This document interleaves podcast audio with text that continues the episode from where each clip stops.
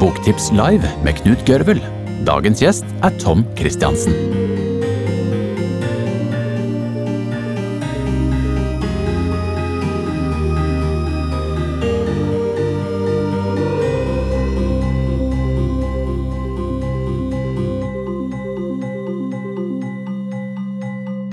I mange år var eh, Tom Christiansen selve stemmen fra Afrika for norske radio- og TV-lyttere og seere.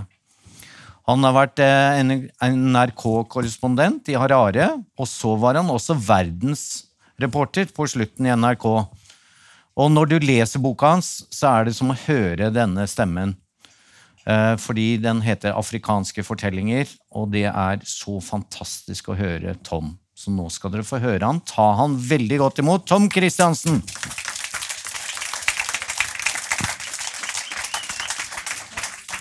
Hallo, Tom. Hallo, hallo.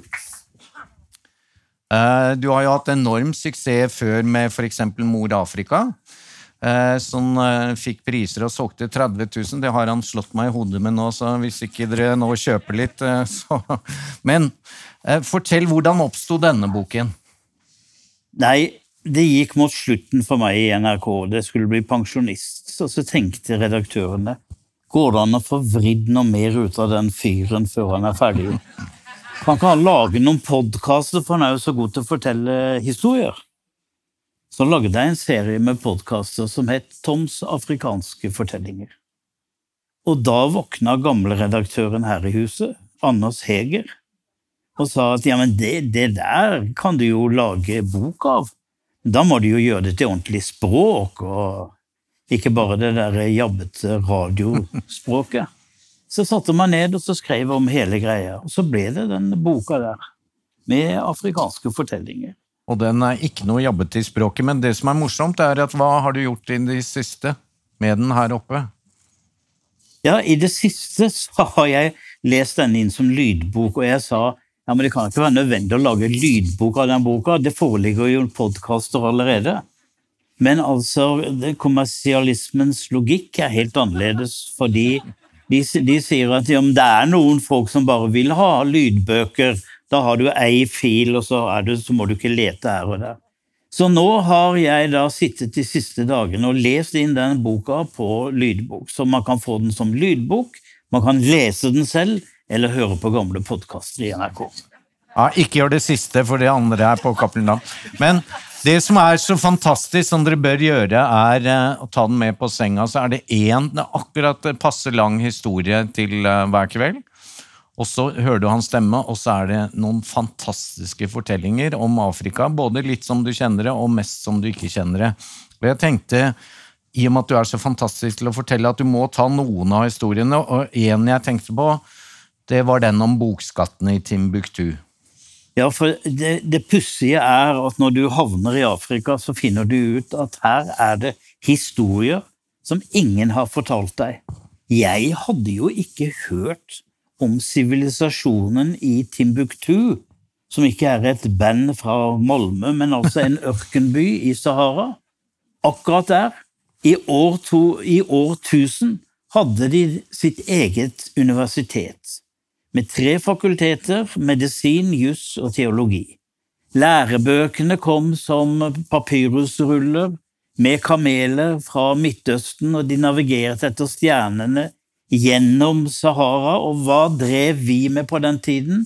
Jo, vi terroriserte Midtøsten, eh, hvor vi drepte og skar strupen over muhammedanere på korstogene våre. Men de leste bøker. Og det finnes altså en bokskatt fra Sahara med én million bøker og skrifter som er opptil 1000 år gamle. Og det var dem som Al Qaida ville brenne opp fordi det var feil teologi. Og da vi bombet dem ut av Libya, så dro de jo sørover med alle våpnene, og sørover skulle til Mali, skulle til Timbuktu, for å brenne opp denne verdensarven. Og da begynte altså disse gamle bokhandlerne og bibliotekarene å pakke alle denne millionen bøker i jernkasser, grave det ned i Sahara, frakte det på elva til eh, hovedstaden og få, og få tatt vare på det. Og når Al Qaida kom fram, så brente de opp 4000 bøker, det var alt som var igjen. Og resten er berga.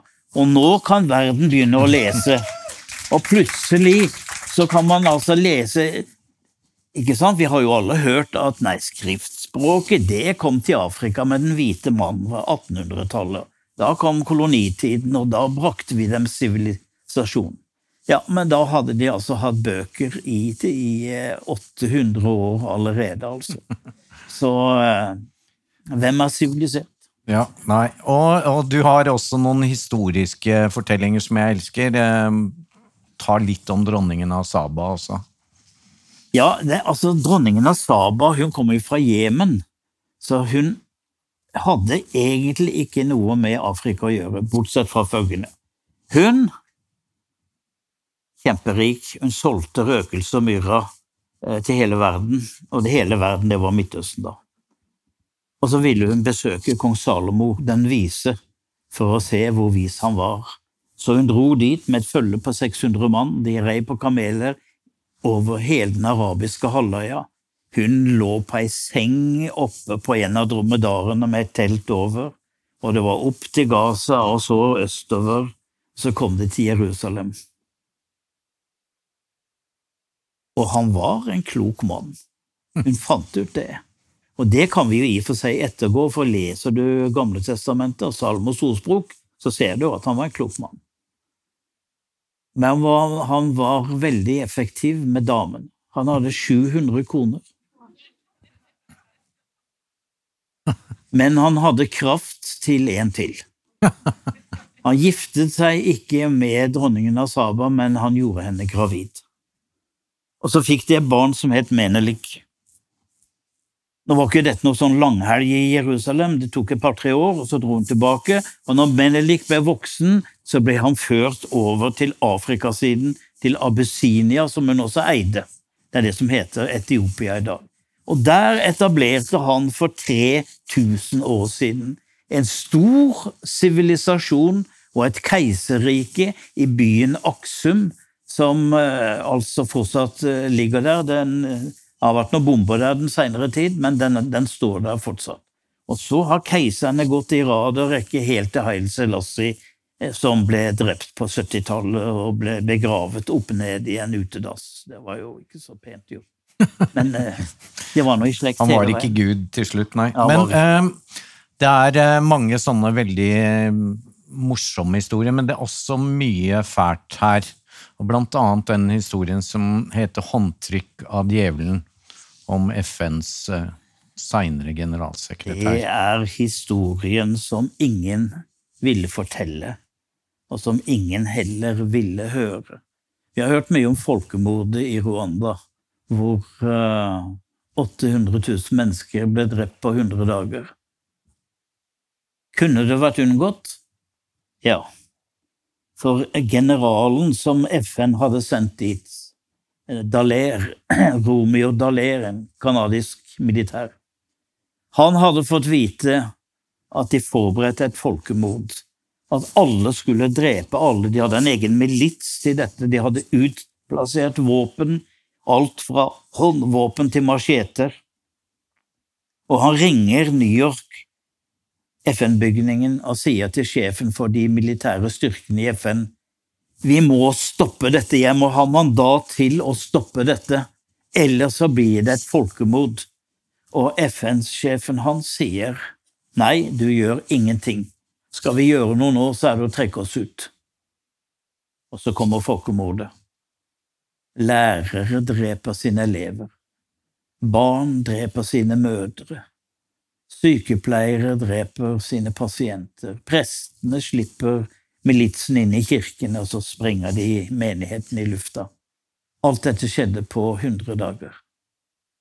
Det ler var ute på landsbygda, vassa i lik, barnesoldater, eh, små barn som prøver å vekke liv i foreldrene som er drept, mennesker som mister hodet.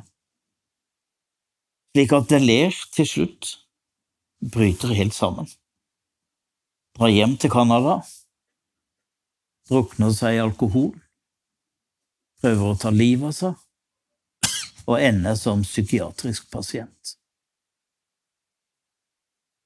Men hva skjedde med sjefen i New York? Sjefen for FNs væpnede styrker som sa ikke gjør noen ting. Han fikk Nobels fredspris, og han heter Kofi Annan. Min største tabbe, sa Kofi Annan seinere i livet.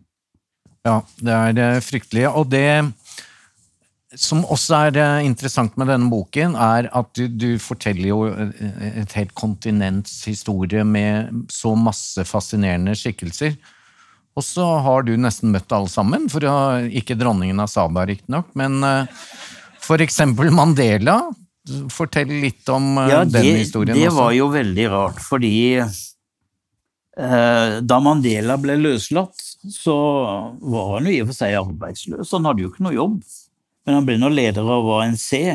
Men han var nå på kontoret i Johannesburg, og der kunne vi eh, gå på besøk. Og Mandela hadde det ved seg at han husket ikke bare hvem han hadde truffet og hvem de var, men også hva de het. Sånn at eh, på pressekonferanser så satt vi nå der og stilte spørsmål til Mandela. Jeg var korrespondent på den tiden stasjonert i Zimbabwe, i Harare, men dro ofte til Johannesburg. Og han nevnte oss alle på fornavn, og han lurte sånn innimellom på hvordan står det til hvordan eh, står det til der oppe i Zimbabwe, og, og sånne ting. Etter at han ble president, så var han jo helt utilgjengelig for de fleste. Men jeg har etterpå tenkt, når folk blir spurt om hvem vil du stå fast med i heisen, så sier alle Mandela. Men jeg har nå sittet på kontoret til Mandela. Jeg har nå bare banka på og gått inn. Og jeg tenker på at du verden, hvordan verden forandrer seg. Og så tenker jeg også på du verden hva jeg har vært med på. Absolutt. En liten applaus til eh, stemmen fra Afrika. Men du, det som er trist eh, i historien, er jo at eh, etter noen så kommer andre, og du har også en fortelling, du skal ikke ta hele den, men om president Sumo, som jo var etter Mandela i Sør-Afrika. Ta litt rundt det, for der er det også oppsiktsvekkende andre negative ting. Ja, det er en uh, rystende ting, og det var det siste Sør-Afrika trengte. Altså, hele folket ble vekket av Mandelas store visjon om at alle skulle få det bedre. Og så kommer Jakob Zuma, en uh, gjetergutt med folkeskolen, som blir president. Uh, av forskjellige grunner så blir det han. Og han er glad i penger, men han er ikke glad i å styre. Han er en primitiv zulu. Uh, han har sine fire koner, men de 21 barna hans kommer nå stort sett fra andre damer enn dem. eh, og han innleder altså samarbeid med mafiaen i Sør-Afrika, med smuglerne, med de store kartellene, og driver landet til fallitt. Det tar ni år før han til slutt blir avsatt og nå har han 734 eh, punkter på tiltalen mot seg for korrupsjon, underslag, svindel og utpressing. Nå er han blitt gammel, og nå skal det være en stor bønnehelg for han en av dagene i neste måned. Eh, han er arrestert, men er løslatt av dårlig helse. Selv om han danser noe voldsomt på scenen når han står der i leopardskinnet sitt så, i kortbukser. Så nå er det kommet en ny president, Cyril Ramaphosa, gruvearbeidernes leder, som ledet forhandlingene om ny grunnlov for Nelson Mandela, har vært businessmann i mange år og gjort det veldig bra. Nå er han presidenten, og han sier nå skal vi ta igjen de tapte ni år. Og så nevnte han ikke Sumas navn. Men det han har sagt, det er det jeg skal gjøre så lenge jeg lever, det er å gjenskape det Sør-Afrika som Mandela fortalte oss om, og som vi alle har drømt om. Suma hadde også en eh, ja, Suma hadde også en eh, spesiell eh, oppskrift på å unngå hiv. Ja, altså det dukka jo opp en veldig vanskelig sak, fordi han ble tiltalt for å ha voldtatt dattera til en kamerat av seg. Hun hadde vært på besøk, og så hadde hun på seg et omslagsskjørt. Og han sa i retten etterpå at ja, ja, det var jo omtrent som å be om det. Det er jo veldig rart, da, et sånn omslagsskjørt som går helt ned, liksom. Men eh, dommeren spurte jo da under saken, som han til slutt ble frikjent for. Men tenkte du ikke på at du visste jo at hun var hiv-positiv? Ja, sa Soma, men jeg tok en dusj etterpå. Uff a meg. Men du, eh, til slutt eh, så lurte jeg på om du kunne fortelle litt Jeg vurderte jo i en periode om eh, også før jeg leste boken, om du var selv blitt litt stormannsgal, fordi du har en fortelling som heter 'Vår mann i Sudan', og fra at du var reporter og verdensreporter og den del, så plutselig så ble du inn i skulle være liksom regjeringssjefens rådgiver. Fortell om ditt liv i Sør-Sudan. Ja, altså når du, når du, blir spurt om du kan være rådgiver for en president i Afrika, så sier du jo ikke nei. Men det var jo ikke et hvilket som helst land. Det var Sør-Sudan. Utbomba og aldri oppbygd. Et land med fire kilometer asfalt, det var det hele. Og resten var uveisomt. Og der var det Salwa Kiir som var president, og jeg skulle være hans rådgiver i mediespørsmål og slike ting. Så hver morgen hadde jeg møte med Salwa Kiir. Og det var veldig, veldig brysomme tider, fordi at fredsavtalen gikk skeis, og eh, de skjelte jo ut hverandre, og så var det det med meg, at jeg kunne si akkurat det jeg ville. Jeg trengte ikke å sleike han opp etter ryggen, for jeg visste at her skal jeg være ett eller to år, jeg tilhører ingen klan, ingen parti, ingen kan gjøre noe med meg. Så jeg gikk til Salva Kiir, og så sa jeg det. Du, alt dette krigspratet om at vi er klare til krig og alt mulig sånn, kan du ikke slutte med det? Det skaper så dårlig stemning. ja, hvordan skal vi møte dem da? Ja, kan du ikke bare si at det blir ikke noe krig, for det er ingen som kommer til å stille opp? det var vel antagelig det dummeste han hadde hørt, men han skjønte poenget. Og så var det så mye etniske sammensetninger og konflikter også som kom opp etter hvert, og han var så bekymret for det. Og da sa jeg til han, rådgiveren, blekansiktet, jeg håper det er lov å kalle seg, eh, da sa jeg det som jeg hadde lært av erkebiskop Desmond Tutu, at alle disse forskjellene, disse etniske greiene, det er farger i en regnbue. Det er dette som gjør oss mangfoldige, det er dette som gjør oss flotte. Vi er et regnbuefolk, Salva Kiir. That was a very good one, sa han. Og så brukte han det. Så hvis jeg har hatt innflytelse på afrikansk politikk, så tror jeg det begrenser seg til akkurat de to poengene der. Og det har jo vært krig der siden, så helt vellykket var du ikke. Jeg hadde ikke før dratt, jeg hadde ikke før dratt, så raste det sammen. Men jeg tenkte, det er så uendelig mange fine historier, og dere bør jo lese dem selv, men har du en siste, sånn som vi kan, så de får 'dette må de bare lese'? Ta en av de du har mest sans for selv. Det kan jo være Det kan jo være prins Johnson, som var en geriljaleder i Monrovia, og som drepte president Samuel Doe. Det er ikke så frisk historie i og for seg, særlig ikke når han parterte han egenhendig. Og jeg har sett videoen, og jeg har snakka med han om det. Men det som var det interessante, var at da prins Johnson tapte for Charles Taylor og alt det der.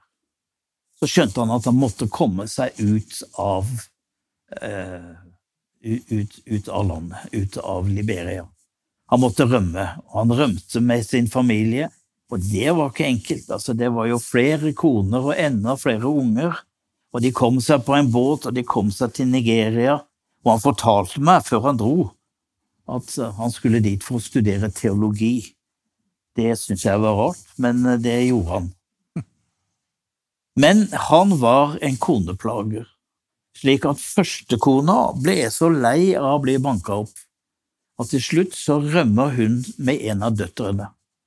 Får hjelp fra FN, og til slutt så kommer de seg på et fly, og de kan velge hvor de skal dra, om de skal dra til Australia eller Norge.